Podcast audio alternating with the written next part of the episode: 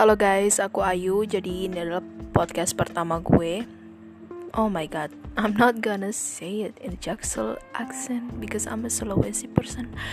Jadi ini podcast pertama aku di Anchor dan aku bakal posting ini ke Spotify. Jadi ya mungkin sama dengan orang-orang alasan aku bikin podcast karena kita suka denger podcast. Jadi kita kayak berpikir kenapa aku nggak bikin juga kayak gitu. Jadi um, podcast pertama ini aku bakal bahas tentang kenapa usia muda itu maksudnya kenapa kerja di usia muda itu cukup struggle. Ya usia 18 maksudnya baru lulus SMA gitulah sampai umur-umur 23 ya kayak gitu. Fresh graduate at high school or fresh graduate at university.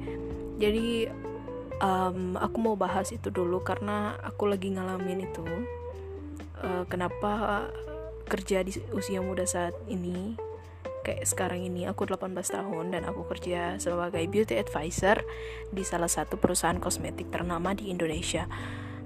Um, kenapa? Pertama, pertama aku bakal jelasin alasan aku kenapa lebih pilih kerja dulu daripada kuliah.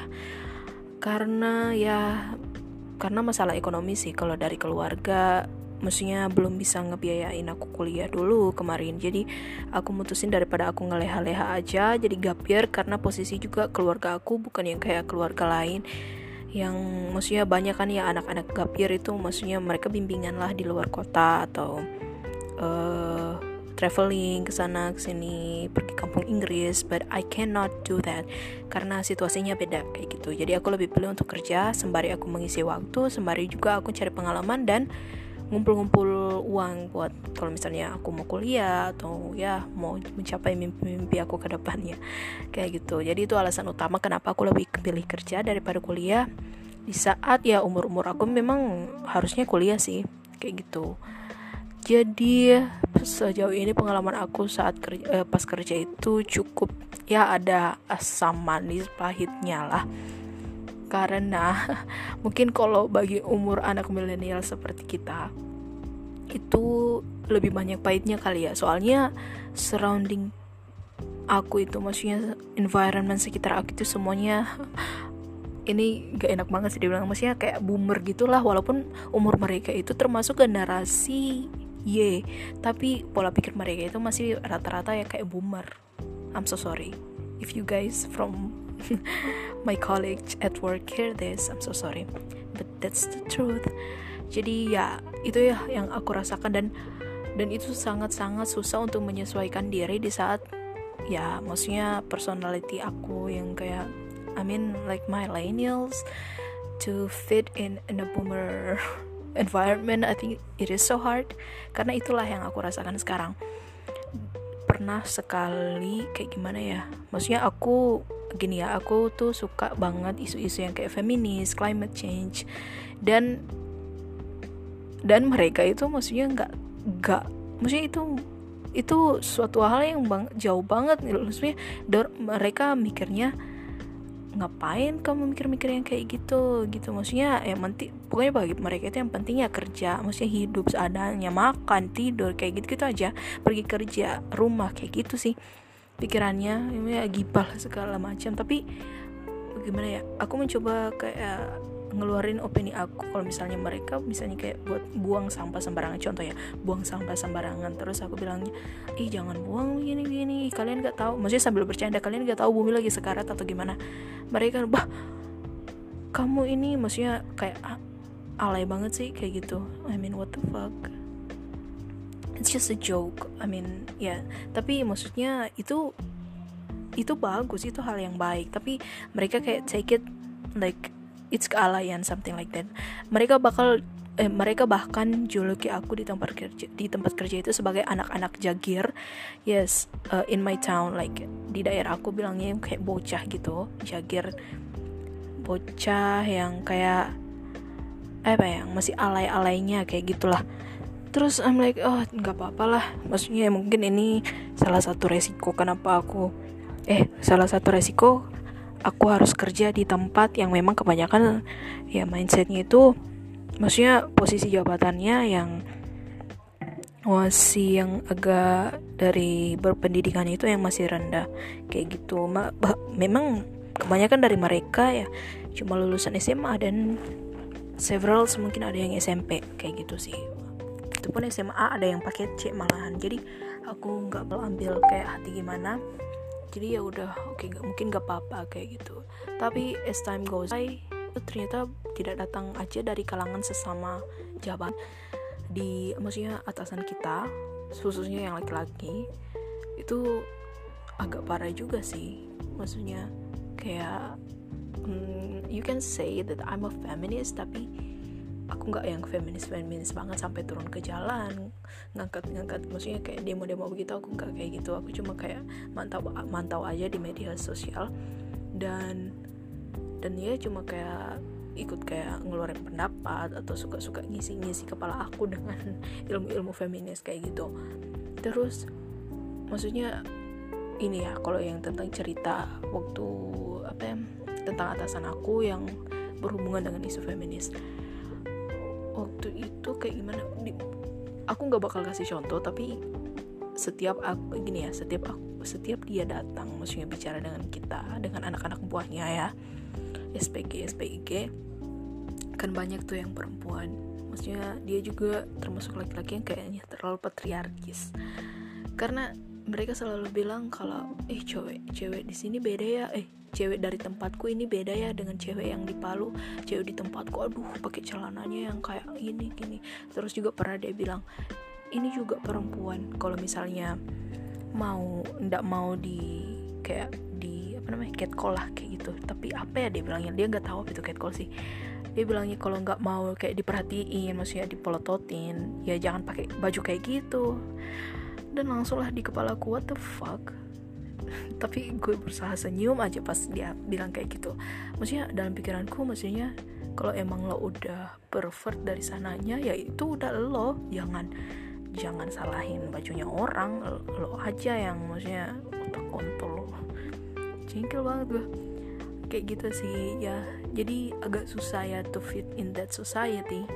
Karena uh, orang-orang yang yang berada di lingkungan itu datang dari lingkungan yang sangat-sangat berbeda juga dengan aku. Jadi aku tuh seperti berusaha banget supaya nggak ngikut kayak mereka. Bahkan lalu waktu pertama-pertama aku kerja aku aku tuh berdoa aku sholat. Di setiap sujud terakhir aku pasti berdoa ya Tuhan jangan sampai uh, pokoknya aku mau jadi tetap jati diriku aja sen, jati diriku sendiri selama aku kerja ini. Jangan sampai um, apa pikiran pikiran yang seperti itu yang seperti mereka yang sangat bertolak belakang dengan aku itu bakal nantinya masuk ke kepalaku jadi biarkan aku seperti ini selama aku kerja. Jangan sampai opini-opini mereka atau pendapat-pendapat mereka itu masuk ke kepala aku dan aku bakal berubah jadi mereka kayak gitu. Itu waktu pertama pertama aku kerja sumpah aku berdoanya kayak gitu. Jadi um, pesannya sih buat kalian kalau misalnya ya aku nggak tahu sih kalau kalian lulus kuliah mungkin kalian bisa dapat yang kayak gini. Jadi jangan heran dan jangan stres. Itu bagian dari pekerjaan sih. Uh, ini maksudnya bisa dibilang masalah eksternal. Karena ini berhubungan dengan um, gimana ya interaksi kita sesama pekerja. Bukan yang misalnya kayak internal banget yang mengenai tentang kerja. Ini kalau itu sih mereka profesional profesional profesional profesional aja. Cuma memang ada terkadang yang kayak suka memanipulasi produk kayak gitulah. Karena aku kan kerja di bagian kayak jasa pelayanan barang gitu aku kayak SPG gitulah tapi untuk produk kecantikan itu disebutnya bukan SPG tapi beauty advisor bisa biasa disingkatnya BA kayak gitu. Ya cuma-cuma ya paling cuma kayak gitu sih. Dan ya kalau untuk susah yang kayak laporan maksudnya kayak ngitung-ngitungnya itu aku rasa gampang sih. Lebih susah matematika waktu SMA malahan. Kayak ya kita enjoy aja. Maksudnya aku enjoy aja kalau misalnya kayak laporan atau gimana. Cuma ya koordinasi gimana ya hubungan interaksi sama manusianya aja yang dalam lingkungan itu yang menurut aku cukup susah sekali. Dan memang setelah eh bukan sih aku aku pernah baca kalau ternyata alasan utama banyak milenial yang lebih milih kerja sendiri nggak mau kerja kayak di bawah suruhan gitu yang pertama itu yang bikin mereka mau resign yang maksudnya lebih pilih kerja sendiri karena mereka nggak nyaman. Yang mereka nggak nyaman kalau misalnya ada orang-orang yang seperti itu tadi jadi mereka lebih milih untuk kerja untuk resign dan freelancing. Dan that's it is totally literally what I'm feeling right now and what I want to do uh, ke depannya.